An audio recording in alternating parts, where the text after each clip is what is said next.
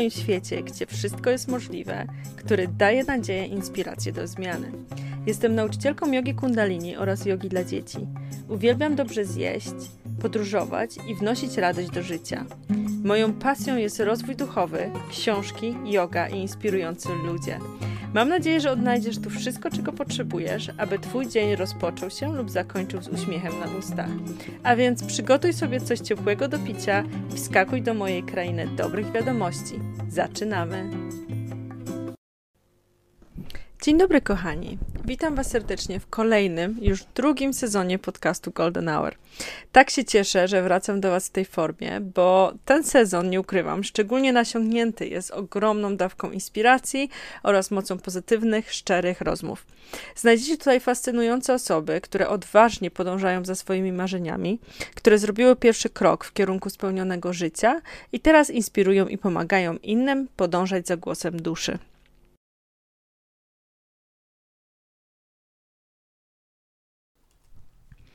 Kochani słuchacze, dzisiejszym gościem jest Edyta Ślączka-Poskropko, profesjonalna opowiadaczka baśni.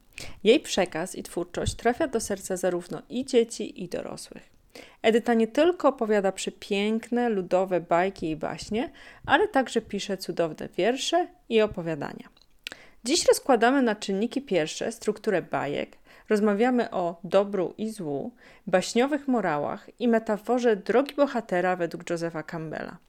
Rozgoście się więc w iście baśniowym odcinku. Serdecznie zapraszam. Dzień dobry, Edyto. Bardzo dziękuję za przyjęcie zaproszenia do mojego podcastu.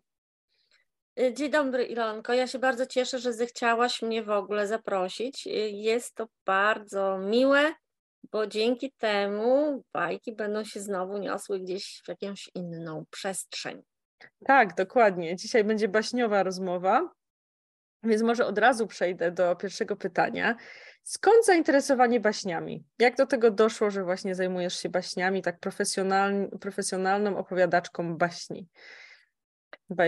To w ogóle jest dosyć fajna historia, słuchaj. E, zaczyna się oczywiście w dzieciństwie, że, że kochałam baśnie i tak dalej, ale, ale prawda jest rzeczywiście taka, że ja, ja jestem trochę taką mm, jak gdyby z pogranicza autyzmu osobą, która w szkole sobie nie dawała rady w sensie społecznym. I w mhm. związku z tym mega dużo spędzałam w książkach y, czasu i mega dużo właśnie z baśniami, plus miałam jakiś taki dar do dzieci. I mhm. jak przychodziły jakieś ciotki po ciotki, wiesz, mm, to ja dzieciom opowiadałam baśnie i często zmyślałam, na przykład mam na koncie, stąd może jakaś moja psychologiczna taka ta nutka w baśniach, którą tam rozwijam, y, że jeden z kuzynów bał się księżyca i ja na poczekaniu wymyśliłam mu taką baśń, że on nie tylko przestał się po tej jednej baśni bać, co jeszcze prosił babcię, żeby mu odsłaniała ten, bo przyszedł przyjaciel księżyc. Ojej, ale cudownie. Tak, naprawdę. To taka, wiesz, takie wspomnienie naprawdę grzejące serduszko, że ta baśń po jednym razie mm, zadziałała. Moc ba bajek, prawda? Tak, y, natomiast to oczywiście było nieświadome. Ja w ogóle cały czas lubiłam czytać. Y, z reguły ludziom czytałam po prostu na, na, na jakichś naszych spotkaniach znajomych, y, bo ja się tak trochę chowałam, tak, za byciem lektorem. Mhm. Mm, no bo to było takie zrozumiałe, tak. Natomiast samo to, że w ogóle z baśni można żyć, że mhm. można je opowiadać dzieciom i dorosłym, że to może być jakiś zawód, to zdarzyło się dość ciekawie splot takich przypadków. Pierwszym przypadkiem było to, że ja na czacie byłam w pewnej grupie, takiej małej grupie, na Onecie były te czaty. Mhm. Może niektórzy pamiętają, że był sobie Onet i były czaty. Mhm, pamiętam. I mieliśmy takie spotkanie. Tak, mieliśmy taką e, spokojną polanę e, i tam wchodziła garstka ludzi, która się zaczynała znać. Oczywiście przychodziły nowe, jak to na czacie, ale generalnie y, znaliśmy się i zaczynaliśmy się przyjaźnić. I tam weszła dziewczyna, która była, właściwie jest, malarką. Mm. W tej chwili mieszka w Norwegii, wtedy mieszkała w Polsce. I ona zaprosiła mnie do tworzącej się właśnie, akurat świeżutko, grupy artystów na Golden Line. Mhm. I ja na ten Golden Line weszłam, zarejestrowałam się, znalazłam grupę, zresztą grupa y, nazywa się Złota Linia, do dzisiaj działa. Mhm. Mm, byłam tam jedyną właśnie poetką i bajarką, jeszcze wtedy nie byłam bajarką, tylko poetką, tak? To był, to był ten moment, że byłam poetką. I z poezją robiłam sobie tam jakieś, jakieś eksperymenty. I dzięki tej grupie zaczęłam też y, robić instalacje poetyckie. Wow. Na tym Golden Line znalazłam z kolei taką y, grupę, bo tam też jakieś jak, jak fora trochę, no nie, nie wiem jak to wyjaśnić, ale w każdym razie był inny dział powiedzmy, y, w którym były bajki. I ja tam weszłam, no bo z ciekawości, jak te bajki jakoś tam gdzieś w przestrzeni mi tam grały cały czas i tam gdzieś tam się zaczęłam udzielać na tym, y, z kolei na tamtym, nie, y, profilu. Tam z kolei był redaktor Nowej Ery, Łukasz Bernady. Mm, okay. Łukasz, y, z którym nie, wtedy się nie zaprzyjaźniliśmy, tylko tak wiesz, no było po prostu, coś tam widziałam, on przemykał, tak coś tam pisał, tam, no takie wiesz, luźne. Ja w ogóle rzadko tam zachodziłam, bo Złota Linia zaczęła bardzo mocno działać, w związku z tym y, na te inne rzeczy było tak trochę mniej przestrzeni, ale tam zachodziłam. I to był drugi taki haczyk, jak gdyby. E, który później zadziałał magicznie.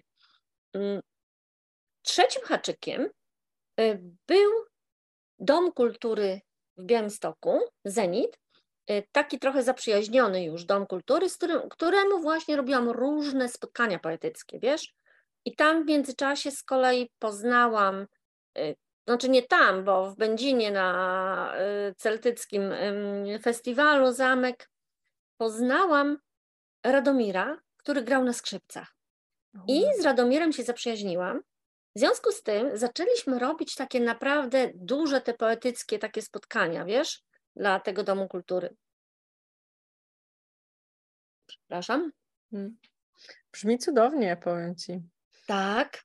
Mówi takie magiczne sploty, wiesz, okoliczności, które, które dały się łapać. I też może powiem, bo może komuś słuchającemu podcast to pomoże, że to wszystko zaczęło się dziać w momencie, kiedy ja stwierdziłam, że po pierwsze chcę zmienić trochę swoje życie, hmm. a po drugie, że nie chowam się, bo ja byłam osobą, która wiele przepuściła okazji. To hmm. jak ewentualnie będziesz chciała, to możemy to później pociągnąć. Naprawdę bardzo wiele. Ja bym dużo wcześniej na przykład z pewnymi rzeczami wyszła. Być może miałabym więcej publikacji na koncie na przykład, gdybym złapała to, co mi wtedy się y, świat podtykał, a ja się cofałam. Hmm. I w momencie, kiedy ja powiedziałam, nie, ja już przestaję się cofać, to powolutku zaczęły się te, te, te, te rzeczy właśnie jakoś dziać. Hmm, ale wiesz, że na wszystko jest zawsze dobry moment i Oczywiście. tak, i najwidoczniej po prostu to był twój moment, kiedy nagle to powiedziałaś był mój sobie, moment, tak. ale myślę sobie tak, że jeżeli ktoś jest bardziej świadomy na przykład, prawda. I dopuściłby do siebie ten wcześniejszy moment, bo wiadomo, że to u mnie wynikało z różnych innych rzeczy, tak, ale można nad sobą pracować wcześniej i po prostu warto. O to mi chodzi. Tak. No oczywiście tak, ja nie żałuję. Tak. Najważniejsze, że ja to zrobiłam, ale gdybym miała jakąś możliwość magiczną, tak, to spróbowałabym tam wcześniej jednak. Rozumiem, rozumiem doskonale. Mm. Tak, więc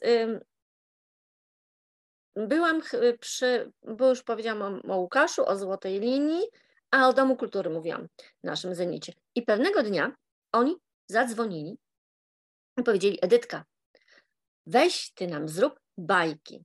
Ja naprawdę nie wiem, skąd im to przyszło do głowy, bo myśmy robili monodramy poetyckie. Gdzie monodram poetycki, a gdzie bajka? Ja się nie ujawniałam wbrew pozorom. Nie mówiłam, że jakieś bajki robię. Nie, Hmm, wszechświat zawsze znajdzie drogę. Tak, bo ona chciała zrobić, mówi tak, żeby i dziewczynki, i chłopcy, bo my chcemy zrobić na, na Twojej bajce, nabudować działania na całą sobotę. No i ja mówię, słuchajcie dziewczyny, ale nagrajmy to, ja to puszczę do sieci. Hmm. I zrobiłyśmy tak. Było spotkanie, było nagranie i ja to puściłam do sieci. I tu wracamy do Łukasza Bernady z Nowej Ery, mhm. ponieważ Łukasz puścił to dalej.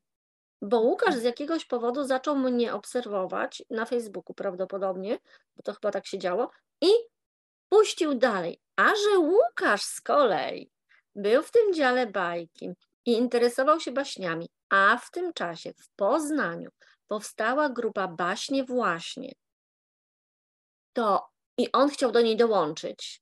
Nie, nie udało mu się tam, zaczął sam działać, ale zaczął działać. I był już w tym baśniowym świecie tak bardziej zagrzebany. To oni też go obserwowali. Ci ludzie ze świata bajkowego. I w tym momencie odezwał się do mnie chłopak, którego kompletnie wtedy nie znałam, Szymon Góralczyk, obecnie karawana opowieści, a wtedy właśnie, baśnie właśnie. I mówi, słuchaj, ale to fajne, bo bajka trwała pół godziny, jedna bajka pół godziny mhm. i te dzieci rzeczywiście mnie słuchały, te dzieci rzeczywiście tam działały ze mną i ja instynktownie tam z nimi tam, wiesz, jakieś tam gesty i w ogóle. Ale to fajne. Czy ty masz zamiar z tym wyjść? Bo ja to ruszam we wrześniu. Wiesz, i zaczęła się między nami rozmowa. I z tego wszystkiego Szymon zaprosił mnie na swój festiwal, który organizował. Festiwal do dzisiaj się odbywa. Jest to Noc Tysiąca Jeden Opowieści w hmm. Poznaniu. Cudowna książka, tak, tak a propos. No, no tak, no bo to wiesz, nawiązuje, nawiązuje właśnie do baśni z Tysiąca Jednej Nocy mm. i, i, dokładnie tak, a się odbywa w nocy. Najczęściej, co ciekawe, yy, zbiega się z Pyrkonem, więc jak ktoś jedzie na Pyrkon, to sobie może na to wyskoczyć, bo to jest niedaleko na zamku się odbywa. Mm. No i właśnie tak to się zaczęło, że on mnie zaprosił, ja pojechałam, były jeszcze warsztaty między innymi, on organizował warsztaty, potem opowiadałam tą baśń, jeszcze z migreną na dodatek, nasłuchałam się dużo różnych ludzi, no i wsiąkłam w to towarzystwo. I wtedy mhm. miałam takie, pff, a to z tego można żyć? Dopiero wtedy, tak, jak się te wszystkie zebrały, a mało tego, że się zebrały, to się jeszcze jedna się dodała y, cegiełka do tego, ponieważ w Poznaniu w ogóle jest dosyć mocny ośrodek właśnie bajarzy i tam działa Aneta Krus-Kąciak, która jest osobą y, związaną z Meksykiem. Ona promuje bardzo Meksyk, ale też kocha baśnie i opowiada baśnie. I Aneta napisała program, zdobyła stypendium, że zaprosiła opowiadaczy z Meksyku, aby robili nam warsztaty. Hmm, Te warsztaty były darmowe. Jedyną rzeczą, którą ja musiałam zrobić, to z Białego Stoku na te warsztaty dojechać i dopinować, żeby miała ten weekend wolny, tak? W danym mhm. momencie. Tak. Więc ja oczywiście natychmiast stanęłam na uszach, po prostu zaparłam się, że, że ja to będę robić i, i po prostu jeździłam na te, na te warsztaty. Także to wszystko właśnie się y, zebrało tak razem, no a później już poszło, wiadomo, prawda? No to cudownie, wow.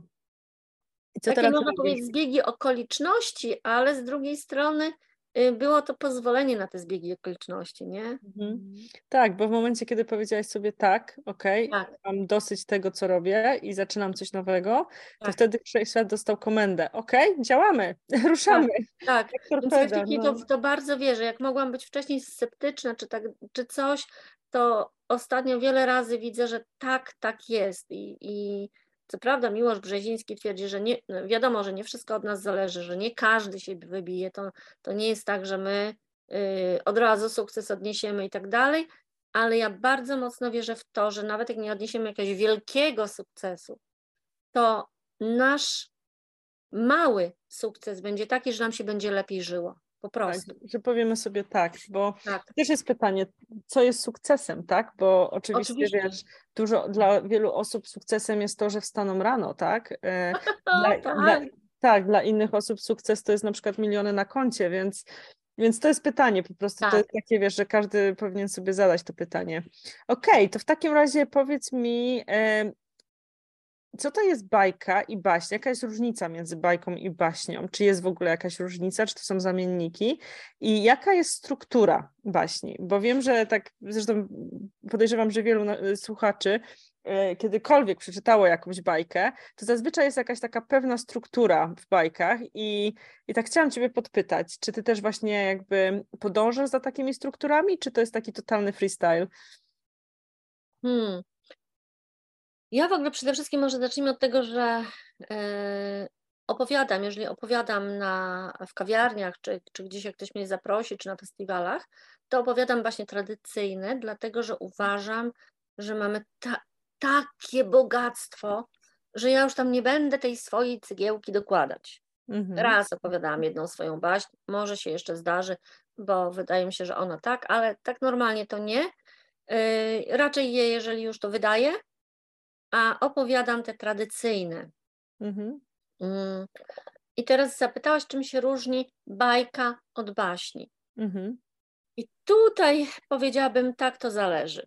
Mhm. Z prostej okay. przyczyny, że to już jest klasyfikacja. Klasyfikacje przeprowadzają naukowcy mhm. i jak każda klasyfikacja jest czasem niejednoznaczna, albo ma błędy nazewnictwa, albo oni się nie mogą zgodzić i tak dalej. Mhm. Bo klasyczna bajka to wiemy, Krasicki, wiersz, tak, zwierzątka, na końcu morał. No i to jest bajka. Jako, jako literacki taki. Mm. Natomiast jest coś takiego jak bajka ludowa i chyba na ten termin się naukowcy zgodzili wspólnie, aczkolwiek chyba funkcjonowały też jakieś inne, czy funkcjonują. Ja w tym naukowym świecie nie tak mocno siedzę. Mhm. Mm.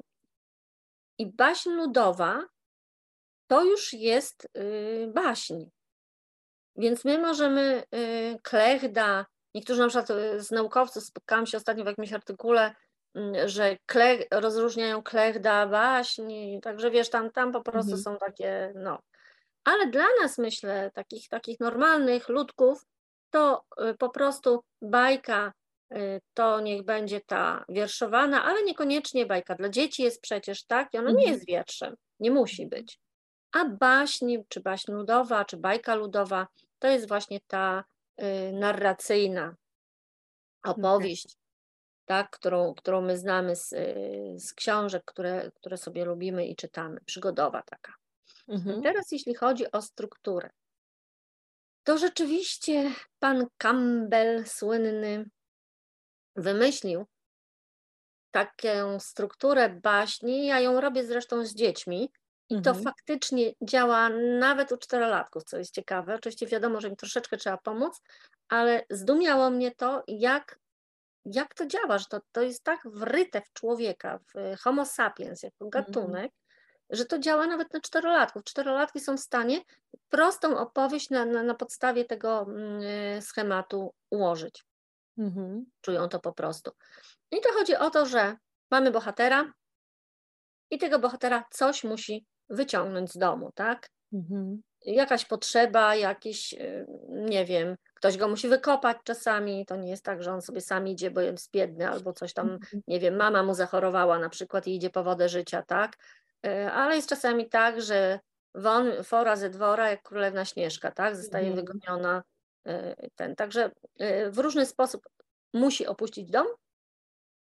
No i zaczyna się jego wędrówka. Zaczyna się jego wędrówka w której musi pokonać jakieś przeszkody, jest jakiś antagonista i najczęściej w konfrontacji początkowej z tym antagonistą on przegrywa, tak? I mhm. najczęściej w baśniach dzieje się to trzykrotnie i ta liczba też nie jest wbrew pozorom przypadkowa. Y, w tej chwili nie podam, ale nawet są jakieś psychologiczne badania, dlaczego pewne rzeczy muszą nam się y, jak gdyby trzy razy kodować w opowieściach. No w Królewnie Śnieżce, jak już zostaniemy przy tym przykładzie, no to mamy, że ta macocha y, ją usiłuje truć, tak, za każdym razem y, i za każdym razem tak naprawdę y, ona jest górą, bo Śnieżkę wybawiają pomocnicy, tak, więc mhm. mm, w tym również schemacie istnieje właśnie przy tej, przy tej walce, istnieje taki moment pomocnicy, albo pomocnicy, albo na przykład czarodziej, tak, Jakiś, jakaś, y, że, że uczy się, albo dostaje pomoc. Zwierzęta to mogą być czasami y, magiczne. Więc pomocnicy ją ratują, a finalnie ratuje ją jeszcze kto inny, prawda? Bo mhm. ona cały czas jak gdyby przegrywa. I tu już masz, i tu już masz troszeczkę w śnieżce na przykład złamanie tego schematu. Bo schemat mówi dalej tak, że bohater finalnie dzięki pomocnikom pokonuje tego antagonistę po iluś tam porażkach, tak? On pokonuje, albo dzięki wiedzy, którą zdobył, tak? Idzie po wiedzę, ma wiedzę, tak? Mhm. I znowu staje w konfrontacji z tym złem i finalnie je pokonuje i powraca odmieniony, tak? W chwale do domu. Ewentualnie zdobywa królestwo i wtedy nie powraca do domu. Przepraszam. Także mm, natomiast w Śnieżce zobacz, mam już złamanie tego schematu. Ona nie robi tego sama. Ona znowu jest wybawiona, tak? mhm. tak? O, znowu jakiś zadziałał czynnik zewnętrzny, który ją uratował finalnie. Więc w baśniach, jak gdyby ten schemat niby jest, ale niekoniecznie musi być y, dokładnie taki, tak, że, że ten bohater czy wróci do domu odmieniony, czy w ogóle, zacznijmy od tego, będzie odmieniony, ponieważ są baśnie o tym, jak bohater głupi siedział na piecu. Matka go wysłała na przykład na targ. On zrobił głupot i w ogóle nie wiadomo czego. Wysłała go do braci, żeby popilnował owiec. On prawie wszystkie owce zarżnął albo po, powiązał, albo coś takiego. I finalnie kończy się tak, że cała rodzina ma dosyć jego błędów. On wraca, jak głupi wyszedł z tego domu, tak głupi wrócił i wrócił na ten piec i se siedzi. Hmm. Więc jak gdyby no, te schematy są przełamywane, tak? Mhm. Są też baśnie na przykład, y, bo baśnie so, mają różne cele. Kiedyś baśń była podręcznikiem. Ja ostatnio tak sobie wymyśliłam, że to był podręcznik. Mhm. To informacją, tak? Ludzie informacje przekazywali, tak? Jakieś. Y, czy mówi się, że umilali sobie wieczory, najpowszechniejsze jest to chyba, że umilali sobie wieczory, ale to nie do końca jest tak. Oczywiście te aspekty były. Oczywiście to one były tak zbudowane, żeby umilić im ten wieczór, ale one były też informacją, one były podręcznikiem.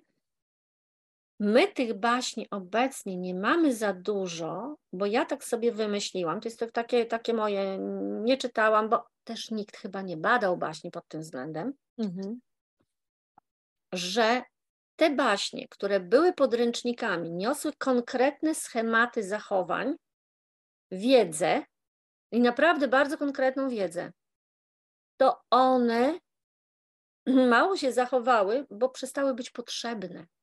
Ponieważ jak weszła książka, tak? To jeżeli mhm. trzeba było rolnika nauczyć, y, zaczęły się szkoły, y, na przykład agrarne, albo gdzieś tam można było się medycyny nauczyć, albo coś tam, tak?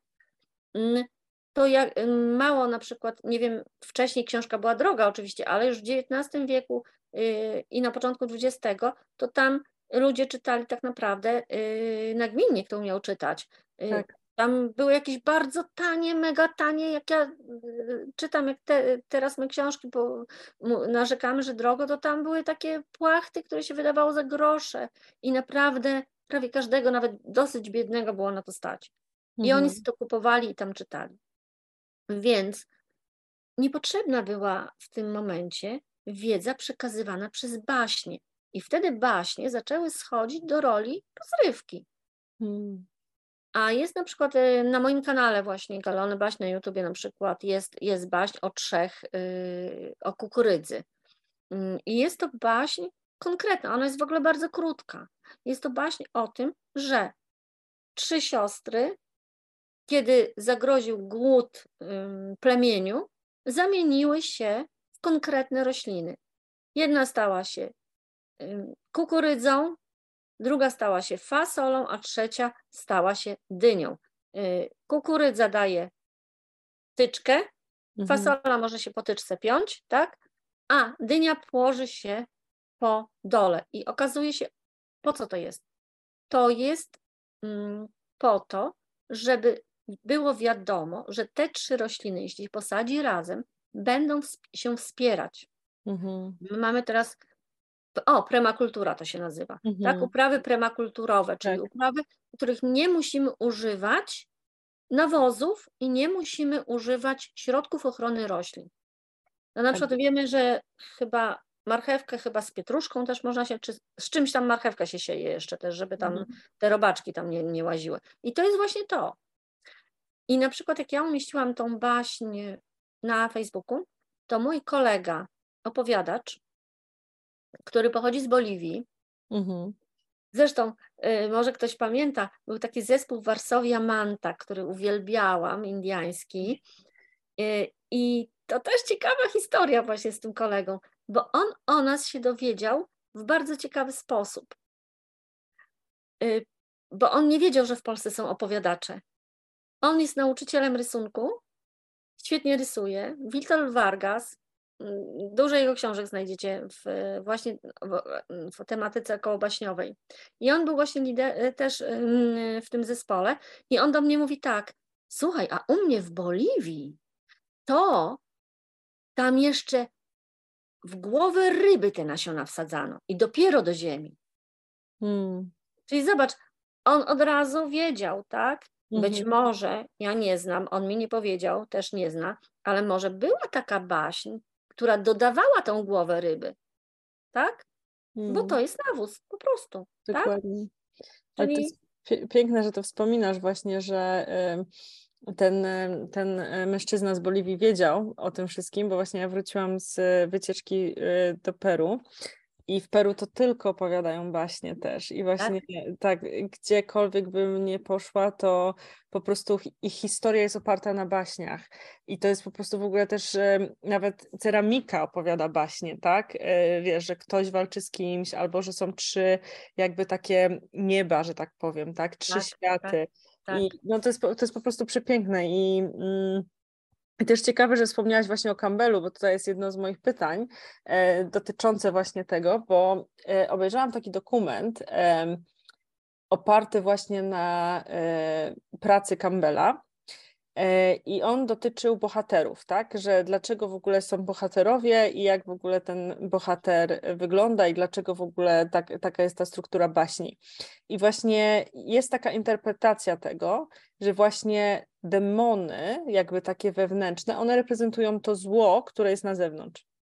Więc, e, więc tutaj też przejdziemy do interpretacji, więc jak będziesz miała ochotę, to możesz mi też powiedzieć, na co zwrócić uwagę w czasie interpretacji. E, ale fajnie, naprawdę super, że to opowiadasz, bo to jest też właśnie baśnie. Ja w ogóle się wychowałam na baśniach. Ja się wychowałam na baśniach, uwielbiałam je zgłębiać.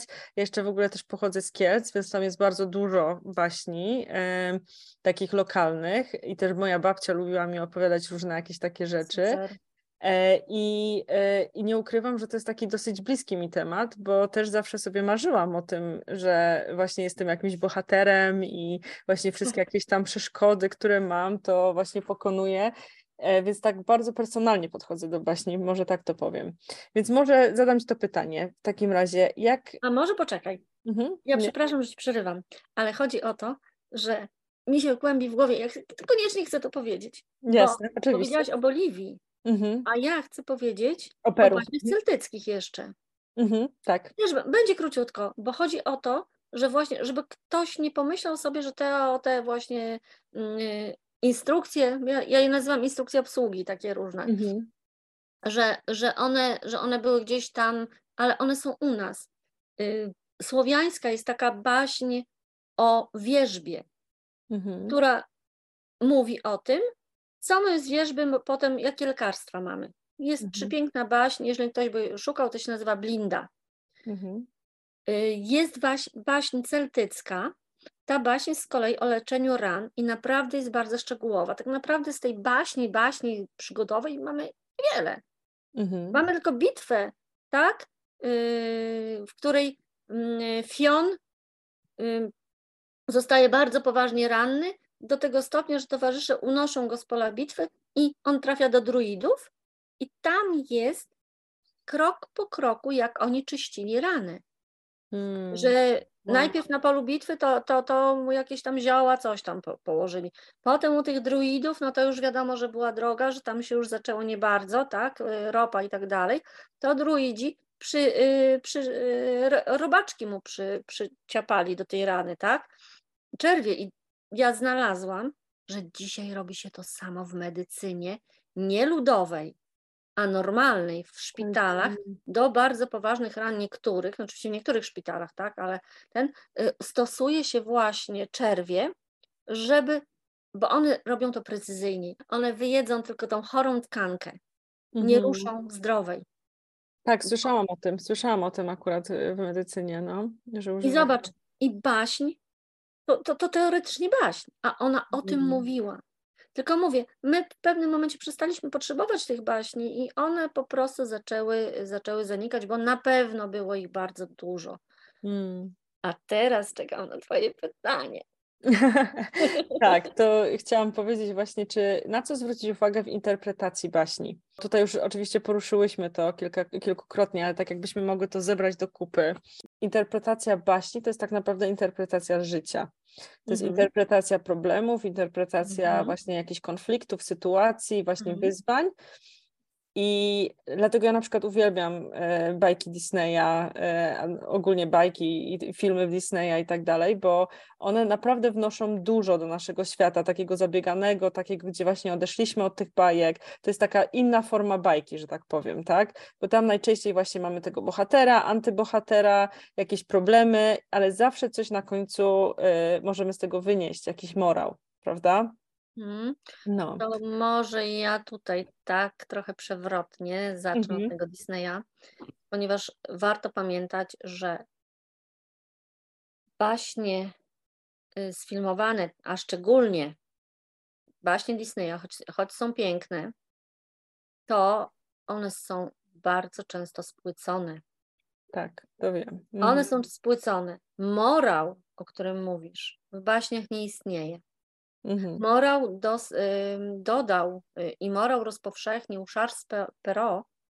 Y, jego baśnie czasami po trz- trzema morałami się tam kończą, Mhm. ale trzeba mieć świadomość, że morały w baśni powstały w XVIII wieku dopiero, a baśń ma tysiące lat.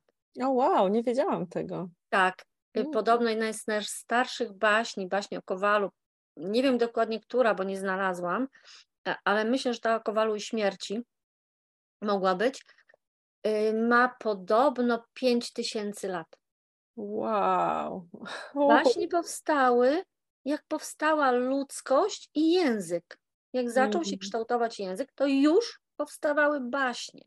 Więc mm, baśnie są mega, mega stare. To, że my mamy jakieś tam sukienki, czy na rysunkach, czy, czy mhm. gdzieś tam y, kareta i tak dalej, to to się wkradło do baśni, ponieważ baśń cały czas się nadbudowuje o epoki, prawda? Baśń właśnie chyba dlatego ma wartość, dlatego że jest tak przełożona, że ona tak szła przez pokolenia. Ta, która nie była wartościowa, to sobie zanikała, a Mhm. ta, która była wartościowa, to każde pokolenie coś dołożyło, co mu było ważne. Mhm. Nie Jakąś taką fajne. cegiełkę z życia. Mhm. Tak, nie fajne, tylko ważne, tak? Coś, co wzbogacało życie, coś, co było jakąś radą, którą można było tam wpleść, wiesz. I po prostu to narosło takimi naprawdę wow, wow, wow. Ja nawet nie umiem tego wyrazić słowem w tej chwili jako ogół. Mm. Y, I dlatego one nie miały tych morałów.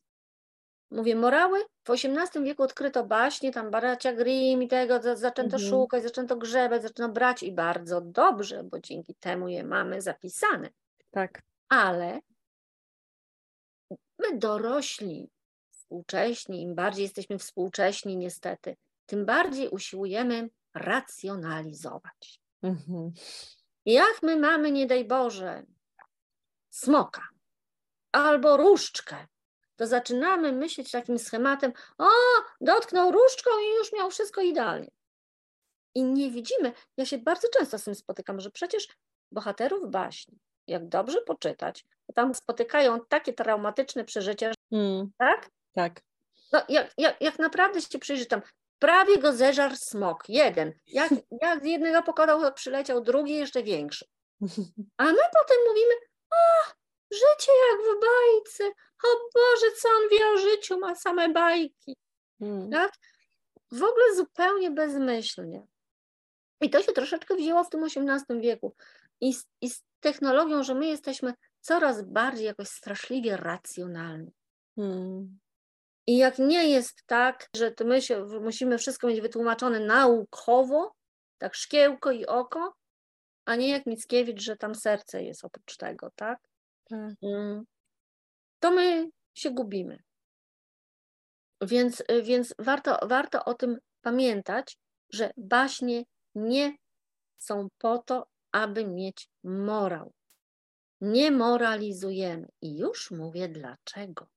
Mhm. I to jest właśnie to, o co mnie chyba spytałaś, bo chodzi o to, że tak jak powiedziałaś o Campbellu, że mm, tam on, tak, bo nie, nie wyłapałam dokładnie, że w każdym razie ktoś wymyślił, tak, powiedziałaś, że te potwory, czy smoki, czy coś, to jest zagrożenie zewnętrzne, tak? Mhm. I to, to jest po prostu, że zło to są takie nasze o, wewnętrzne zło. demony. Mhm. Tak. nasze wewnętrzne demony, że właśnie pokonujemy je, że właśnie bohater wychodzi jakby ze swojej strefy komfortu. A, bo mi się wydawało, że powiedziałeś zewnętrzne. Tak, mhm. wewnętrzne. I właśnie, i właśnie. One są i zewnętrzne, i wewnętrzne, i to się może dziać w jednej baśni. I dam Ci przykład, jak wybuchła wojna w Ukrainie. Mhm. Ja się zastanawiałam, jakie dać baśnie. Nie bardzo wiedziałam, które są baśnie ukraińskie. Poza tym nazwanie czegoś baśnią ukraińską na przykład, tak, mm. jest dużym uproszczeniem i to naprawdę mega dużym. Dlatego, że baśnie nie mają granic. My mhm. możemy coś rozdzielić na baśnie słowiańskie, tak? tak. Wschodniosłowiańskie, zachodniosłowiańskie, ewentualnie, ale na pewno nie, że to jest rosyjska, to jest ukraińska, a to jest coś, a to jest polska na przykład. Mhm. Oczywiście mamy swoje jakieś tam odpowiedniki, tak? No, Boruta nie jest y, słowiański, w sensie Boruta jako baśń, Boruta z Łęczycy, tak? Mhm. No, bo jest związany z Łęczycą, ale już Boruta, który jest Leszym, a takie właśnie było jego wcześniejsze miano, nie był diabłem, a był demonem lasu, to już widzimy, że to się poszerza. Mhm. Już nie ma Polska, Łęczyca. Tu już jest cała słowiańskość. I więc ja nie mogę powiedzieć, że coś jest bajką ukraińską, bo ona może być białoruska. Mhm. Tak, jak ktoś wpisał w ukraińskie i będzie miał rację. I ja się tak myślałam właśnie nad tym. I w pewnym momencie nagle dotarło do mnie, co to są smoki. W tym kontekście, w jaki ostatnio mieliśmy. Mhm. Zobacz, co robi smok. Smok narusza granice. Hmm. Smok jest agresorem, który najeżdża niejako państwo, bo mamy zawsze wtedy króla. Mamy mhm. królewnę, która go reprezentuje, która jest zniewolona, tak? I tak. którą ktoś tam ratuje, jakiś śmiałek. A ten smok przelatuje przez granicę i stawia ultimatum. Jak ty mi nie dasz dziewicy, to ja ci zniszczę państwo. Zacznę od miasta, zacznę od wsi, yy, zacznę od plonów. Tak? I ja sobie nagle zdałam sprawę, kurde, to przecież jest alegoria wojny. Hmm. Po prostu zewnętrznej, zwyczajnej wojny, jakie kiedyś przecież się toczyły. I jak hmm. widać się toczą, ale, ale chodzi mi o no, ten, tą głębię baśni historyczną, tak? I ludzie, żeby sobie z tym poradzić, zamienili to w potwory. I zamienili to, e, to w taki sposób, że, że, żeby dawały nadzieję, że przyjdzie ci agresor najpierw z żądaniem, ty ustąpisz, ustąpisz, aż nie będziesz miał jak ustępować, bo ta królewna, no to kuźwa, no ustąpić królewnę, tak? No król próbuje, ale do czego to prowadzi, prawda? Będzie to mhm. prowadziło do upadku, do zniewolenia państwa. Więc my nie możemy na to pozwolić, i już lud nie może na to pozwolić. Najczęściej właśnie ktoś z ludu tą królewnę ratuje, bo my nie możemy dać się zniewolić, tak? Mhm. I walczymy. I mamy jednego smoka, drugiego i najczęściej aż trzeciego smoka. I on jest coraz silniejszy, coraz potężniejszy. Ten agresor wyciąga kolejne wojska, kolejne jakieś, y, tak? Ja w ogóle poszłam w swojej interpretacji, naprawdę, słuchajcie, poszalałam. Znaczy, jak opowiadałam, to nie, tylko tam nakreśliłam, ale wtedy znalazłam na przykład też legendę o Wyspie Wężowej, tam wtedy była ta słynna, słynna historia i, i naprawdę to się, kurczę, jak to się, słuchajcie, spinało, to co się stało wtedy z tą legendą, to po prostu mózg mi y, roztrzaskało wręcz. Mhm. Ale ja w swoich myślach pomyślałam sobie, jak wygląda smok? Kurde, po pierwsze lata, po drugie zieje ogniem.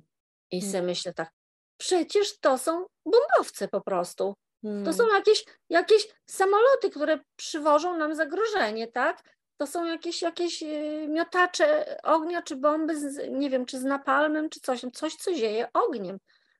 Pomyślałam sobie, że z jednej strony y, my wiemy, że oni nie, nie, nie znali takich y, maszyn i tak dalej, i że to jest moja nadinterpretacja wszystkiego i tak, ale z drugiej strony myślę, a cholera wie? A może ta Atlantyda istniała? Hmm. No bo jeżeli myślisz w ten sposób, no to kurczę, smok ma. Zobacz, to może być czołg. Tak. tak? To mogą być samoloty, które spadają czołgi, no bo co ma smok? Bardzo długą szyję, lufę, hmm. którą pluje tym ogniem. Hmm. No, ja zobaczyłam po prostu naprawdę współczesne maszyny w tym jednym smoku. Tak? Czy mam rację, czy nie, to już jest zupełnie inna bajka. Natomiast to może też pokazywać, jak ta baśń jest uniwersalna pod tym względem. Nieważne, jaki mamy oręż, my go widzimy w tym smoku. I też nieważne, tak? jakie czasy tak naprawdę, no bo jednak bombowce i to jest no nie technologia, którą mieliśmy 5000 lat temu, prawda? No dokładnie, dokładnie hmm. tak. A jednak ludzie wpadli na takie rzeczy. Więc wow. wiesz, więc to naprawdę pokazuje. I teraz tak, tu mamy zagrożenie, tak jak mówiłam, z zewnątrz. Mówi, ale przejdźmy do demonów. Smok. Ten sam smok z tej samej baśni. On może być naszym wewnętrznym demonem, którego pokonujemy. Mm. Ta księżniczka i ten chłopak, czy książę, czy ktokolwiek, kto ratuje tą księżniczkę. No tak, o Boże, księżniczki to tylko się ratuje, oj, oj, oj, oj i narzekamy na, o, teraz będziemy odwrotnie. To będzie księżniczka, księżniczka ratowała. Mhm. A zapominamy o jednej ważnej rzeczy, że my w sobie, każdy, czy mężczyzna, czy kobieta, czy osoby niebinarne, tak myślę, aczkolwiek one musiałyby się same wypowiedzieć na ten temat, mhm. bo chyba mało wiemy o psychologii akurat tych osób, ale chodzi mi o to, że my nie mamy, nie jesteśmy jednorodni wewnętrznie. Mhm. My mamy animy i animusa. Mamy pierwiastek, tak samo jak chromosomy, tak? Mamy mhm. kobiece i żeński. Mamy pierwiastek żeński i pierwiastek męski. Słynny yin-yang mhm. w Chinach, tak? Ten znaczek. On, on to symbolizuje. Każdy, wszystko, cały wszechświat jest zbudowany w ten sposób. I dopiero wtedy jest w równowadze. Mhm. I nasza wewnętrzna psychika też jest w równowadze, jeżeli my dopu- jako kobiety tym momencie mówię, jeżeli my dopuścimy do głosu ten męski pierwiastek, a my często nie dopuszczamy go do głosu.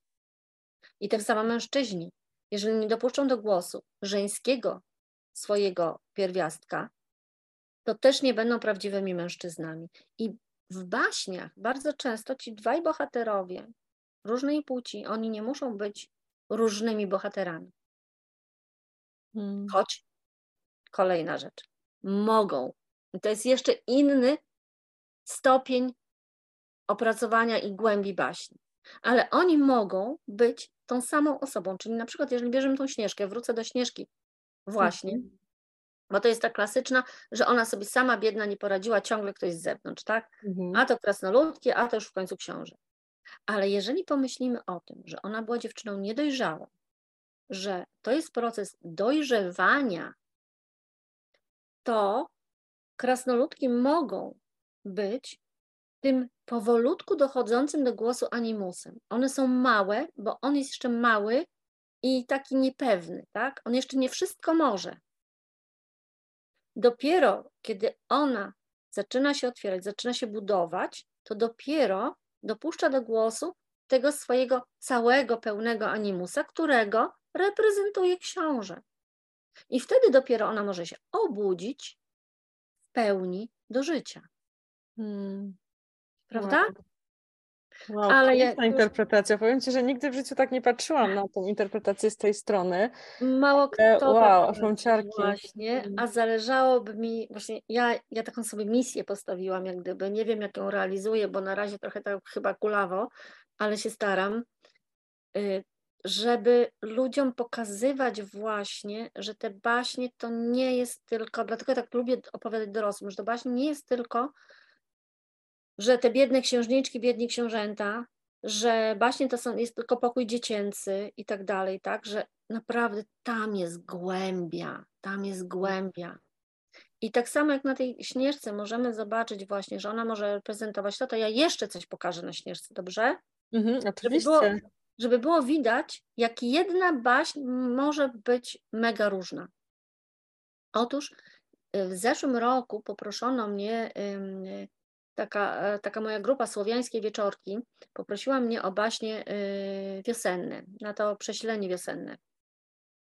I nie wiem dlaczego, jak zaczęłam myśleć, to przyszła do mnie Śnieżka. Śnieżka? Ale zaczęłam nad tym myśleć. I mój mózg powiedział mi, że jest to baśń o prześleniu właśnie. Hmm. Bo od czego się zaczyna? Zaczyna się od tego, że matka Śnieżki patrzy na śnieg. Hmm. Tak? Tak. A potem cała akcja dalej toczy się coraz bardziej wiosną, aż do tego finalnego punktu, w którym możemy przypuścić, że budzi się lato, że budzi się ciepło, że budzi się słońce. I ja o tym zresztą mam artykuł na swoim, y, na swoim blogu, więc jak ktoś byłby zainteresowany, no to, no to na stronę Galeony Baśni i tam jest blog i tam jest ta Śnieżka dużo bardziej właśnie pod tym kątem wiosennym rozpisana. Także zobaczcie, to, to, to, to jaki klucz weźmiemy, tak? Jak mój kolega powiedział, jaki klucz weźmiemy, takie drzwi w tej baśni otworzymy, w jednej mhm. baśni. I tych kluczy może być dużo. Dlatego to jest tak, że mówimy, że baśń, wracam do tego, co powiedziałaś, uniwersalna. Bo ona nie jest uniwersalna e, od tak sobie, tylko właśnie dlatego, że usiądzie ileś osób i każdy, jeśli pozwoli, jeżeli wpuści baśń do siebie, to dostanie od tej baśni to, co mu jest potrzebne w danym momencie życia.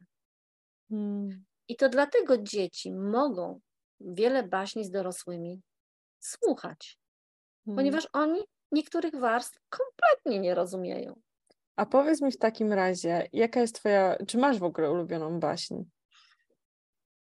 Trudne pytanie, to prawda. Mm-hmm. Może bardziej powiem, że mam, mm, może nie baśń, a rejony, z których kocham baśń. Mm-hmm. Okej. Okay. I to są właśnie, i ja się można powiedzieć, że specjalizuję, bo rzeczywiście najczęściej je opowiadam. To są baśnie celtyckie, mhm. arabskie, mhm. baśnie japońskie. O oh, wow. Mm. I nordyckie. I nordyckie. Mhm. I nordyckie. A czy one mają jakieś... Hmm? Też, ale jakbym miała wskazać naj, naj, naj, to właśnie te mhm. są. A mają one jakiś wspólny mianownik? Tak, że na przykład co najbardziej lubisz w nich, czy one są po prostu, bo to są tak różne rejony, że właśnie zastanawiam mnie, czy to jest właśnie kwestia tego, że one są tak różne, dlatego je tak lubisz, czy, czy one mają jakiś wspólny mianownik jako, jako w baśni? Nie myślałam o tym, ale chyba, chyba mają. Wydaje mi się, że one są właśnie bardzo rozbudowane i mają bardzo dużo warstw, tak mi się wydaje. Y, przygodowe są też bardziej. Ze mhm. słowiańskich naszych to lubię chociażby o Królewiczu i Janie i Czarnym Wilku, tak? Mhm. Y, które, która też jest taka, wiesz, nabudowana na wszystkie strony, tak? I ona tam ma tą, tą, tą głębię. Może po prostu dlatego, że dla mnie są egzotyczne bardziej, trudno mi powiedzieć, ale na pewno też więcej więcej w nich rodziejskości, mhm. magii. No ja lubię elfy. W mhm. naszych polskich baśniach są czarownice, mhm. są czarne licha, ale w tych słowiańskich jeszcze y, no właśnie tam jest te konik garbusek, to jest to przechodzenie przez ucho, czy tam mhm. Trójoczka, tak, jednooczka, dwuoczka, trójoczka, to tam przez, przez też ucho krówki tam przechodzi, ale jak gdyby mi się wydaje, że jest tak mniej magicznie, mhm. mniej wiesz, tych tak czarodziejskich różnych y, historii. Mhm. Okay. Innych krain, o, bo na przykład y, co uwielbiam w baśniach celtyckich, to właśnie, to właśnie ten świat y, elfów, hmm. świat, y, gdzie się przenikają te krainy, y, gdzie ludzie przechodzą z krainy do krainy, no ale jest tam zawsze jakaś cena w tym, prawda? I chyba moją najulubieńszą to jest chorągiew z Dan Vegan. Y, baś, którą rzadko opowiadam, ponieważ, y, ponieważ jest dosyć powolną, ma strukturę. W każdym razie jest też taka, taka ona jest to walijska baśń z kolei. Jest mhm. też właśnie podobna, że wchodzi się na górę, górę i widzi się coś innego i są jakieś tam magiczne, wiesz, takie, takie te przestrzenie niejednoznaczne. Mhm. U nas tych przestrzeni niejednoznacznych jest mniej. Baś dzieje się jakby w jednej przestrzeni, nawet, nawet właśnie na baśni, czy o koniku garbusku, czy, czy właśnie o królewiczu Janie i szarym wilku, tak, e, mhm. ona, e, ona się dzieje w tej jednej przestrzeni, oni prze, e, przemierzają ziemię, okay? mhm. a tam jest to przenikanie światów. Mhm, rozumiem. Wiesz to tak naszło mnie jeszcze takie jedno pytanie, ponieważ ja też jako mm, mała dziewczynka uwielbiałam słuchać legend. Na przykład, jak powstało miasto Kielce, albo w ogóle jakiekolwiek miasta i herby, dlaczego herby mają na przykład, nie wiem, koronę, tak jak w, mieście, w mieście Kielce jest taka korona, tak, u góry. Na przykład w jakimś innym mieście, Puck, gdzie nad morzem, no to jest na przykład łosoś z lwem. I wiesz, i, i teraz właśnie takie mam pytanie, czym się różnią w takim razie legendy od baśni? Bo one też są bardzo często nacechowane właśnie taką warstwą. I też tam jest bohater najczęściej, też tam jest ktoś, kto ratuje kogoś. I to jest też tak, tak naprawdę przekazywane z ust do ust, prawda? Troszeczkę tak, a troszeczkę nie. Mhm. Bo właśnie tego typu rzeczy opierają się na rzeczywistości mocniej. Hmm. Bo zwróć uwagę, że baśń jako baśń, ona nie ma, to się dzieje gdzieś daleko, za górami, za lasami, gdzieś tam coś, a to się dzieje tu. Mhm. I to jest ta pierwsza mhm. różnica, że jest wskazanie miejsca, tak? Jak jest legenda o smoku wawelskim i czy o Wandzie. Mhm to są w pewien sposób rzeczywiste, historyczne, znane nam wydarzenia, nawet, nawet, nawet już archeologicznie często potwierdzone, czy, czy w kronikach na przykład zapisane Jana Długosza, czy, czy, czy tych innych wydarzenia, które ktoś troszeczkę podkoloryzował, tak bym powiedziała. Mhm. Okay. Część z nich ma dużo mniejszą głębię niż te baśnie. O, oczywiście, że one narosły, że one, wiesz, już sama zamiana Y, czegoś rzeczywistego na symbol, tak, już niesie ze sobą, że to będzie y, bardziej uniwersalne, tak, że tu już y, robimy jakąś głębię, ale to są historyczne wydarzenia, po prostu. Na przykład baśnie o smoku wawelskim, ostatnio sobie właśnie o tym czytałam, bo chcę sobie pewne rzeczy tak też wydać, takie bajki zapomniane. Na przykład przeczytałam o tym, że to nie był smok, to byli królewicze, którzy się wymordowali. Hmm. A w kolejnym tak, wydaniu, i, i pierwsza baś, pierwsza legenda na tym polegała.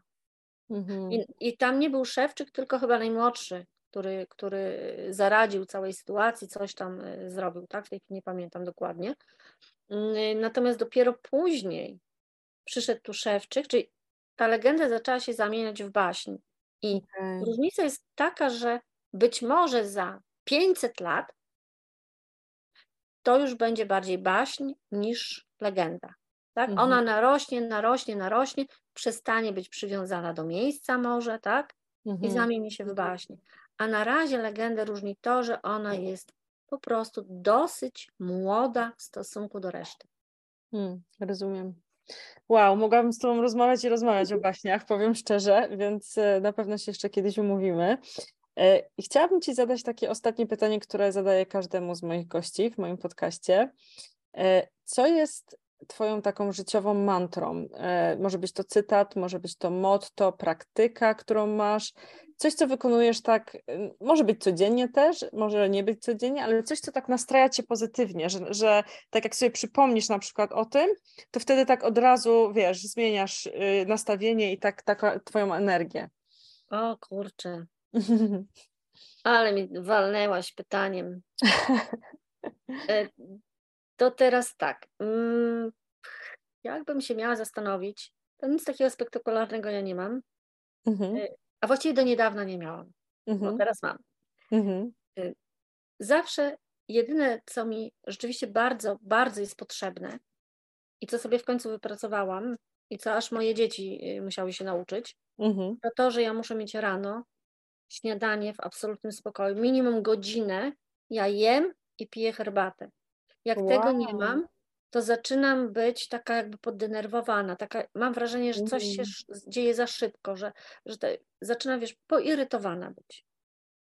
Oczywiście dzisiaj już umiem to bardziej mm, opanowywać, ale nie jest to miły stan. Ja mhm. rano jestem osobą, która właśnie wchodzi w dzień mega powoli mhm. i jeżeli ma tą możliwość, to to jest naj, najlepsze dla mnie. To mi daje, najbardziej daje energię i chęć do działania. Wow. A teraz od paru lat mam kogoś. Mhm. I moi obserwujący mnie na Instagramie doskonale wiedzą. Wczoraj się poryczałam po prostu, ale w pozytywnym sensie. Jest to Yuzuru Hanyu. Mhm. Japoński łyżwiarz figurowy, który dokonuje rzeczy niemożliwych. On udowadnia, że niemożliwe nie istnieje. Wow. I kiedy ja źle się czuję, kiedy mam coś do zrobienia, albo na przykład idę do pracy i mi zaczyna kolana napierdzielać na przykład, to ja myślę sobie, Jozuru da radę, Jozuru dałby radę i ja dam radę i od razu mam poziom energii wyżej. Mhm. Ja mam ogromną w tej chwili potrzebę opowiadania o nim, mhm. niesienia tego, co robi dalej w świat. Dlatego y, dzielę się z ludźmi na, na story bardzo często, ale nie tylko, bo w moim profilu też można znaleźć parę rzeczy. Ja zaczęłam pisać baśń o Juzur Haniu, mhm. czyli właśnie, można powiedzieć, że legendę, tak? ponieważ mhm. przemieniam trochę jego życiorys, to co się dzieje, na opowieść, tak? Czyli na przykład on jest chory na astmę, więc to jest w ogóle mhm. i nie, nie jest paraolimpijczykiem. On jest normalnym zawodnikiem, który ma dwa medale olimpijskie złote. Wow. Nie było czegoś takiego od 1958 roku. Wow. Jest pierwszym złotym, dwukrotnym złotym medalistą i gdyby nie to, co się działo, co dotknęło nas wszystkich, tak, i, i jego jako wrażliwą duszę, to mielibyśmy, on miałby trzeci medal. Mhm ale po prostu już był tak psychicznie mm, zjechany, było widać, nie? Mm, mhm. Zawalczył potem i z ósmego miejsca wskoczył, wskoczył na czwarte, więc to pokazuje, jak wiesz, bo, tak, mhm. ale pierwszy przyjazd miał bez energii, bez takiego, takiej woli walki i, i, i skończył na ósmym miejscu.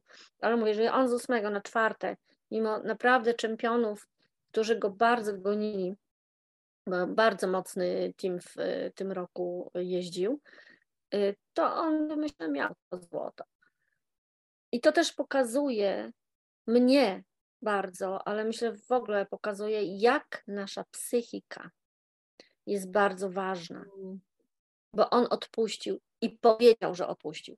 I to też jest ważne. Nigdy nie mówmy, jeżeli na czymś nam zależy, yy, nigdy nie mówmy, że że nie. Jest taka powszechna w Polsce chyba. Myślę, i nie będę zapeszać, nie będę mówić, albo tak. będę oczekiwać mniej. Nie, ponieważ tu się koduje. Tak. Jeżeli my tu zakod... mhm. Tak. I to było bardzo widać, ponieważ on na przykład powiedział, że on tu jest dla fanów, bo fani, bo fani chcieli, bo fa, fani go wspierają i ten, ale on nie planował na olimpiadę. Wiesz, w wywiadzie i on to dopuścił do siebie, do środka po prostu. Mhm. I dopiero później jak, jak się okazało, że, że miał taki słaby przejazd, nagle się obudził, nagle się otrząsnął i nagle ta, zbudziła się w nim wola walki, którą ma, tak? Mm. Ale był ten moment słabości i on tą słabość wpuścił do środka. I to mm. od razu było widać. I ze wszystkimi nami tak jest. Mm. Także teraz mam, teraz mam właśnie kogoś, y, y, kogo mogę obserwować na żywo, y, kto daje mi mega dużo wzruszeń i pokazuje, że chorym można też zdobywać świat. Wow, ale piękny morał na koniec, naprawdę. Wow, pięknie. Pięknie. Dziękuję Ci bardzo za tą rozmowę. Dziękuję Ci bardzo za e, ogromną inspirację. Mam nadzieję, że rozszerzymy troszkę wiedzę na temat baśni i e, więcej dzieci tak naprawdę i dorosłych zainteresuje się właśnie choćby naszym dorobkiem, tak, naszym dziedzictwem. Tak, no. bardzo bym chciała, bardzo bym chciała i moim motem jest właśnie niech się baśń niesie, niech się baśń niesie jak najdalej. Hmm, dokładnie. Dokładnie. Jeżeli chcecie zaobserwować Edytkę, to ona właśnie w sieci i na YouTubie, i na Instagramie, i na Facebooku, chyba też mi się tak wydaje, e, bo ja tak nie jestem facebookowa tak, tak. bardzo, więc tak, e, tak. jesteś pod pseudonimem Galeony Baśni. Tak, wszędzie e, Galeony Baśni. Tak, i też jeżeli chodzi o Twoje opowiadania i poezję, też można kupić poprzez właśnie Twoją stronę, tak? Tak, tak, jak ktoś się odezwie do mnie na Galeony Baśni, to jak najbardziej, ale literacki profil, jeżeli kogoś by interesował literacki profil, y, to jest Edyta Ślączka, poskropko. Ślączka jest po moim tacie, który jest nazywany Stachurą Podlasia. Mhm, okej. Okay.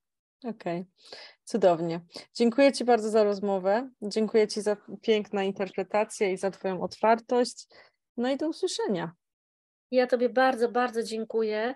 Dziękuję Ci za to, że ten wywiad, choć tego może nie wiesz, bardzo poukładał moje myśli. No wow. Ja naprawdę tak mądrze wcale nie myślę na co dzień. Wow. Mega, mega dziękuję. Nie ma za co, nie ma za co. To do zobaczenia. Do zobaczenia, do usłyszenia. Mhm. E, dziękuję bardzo za wysłuchanie podcastu Golden Hour.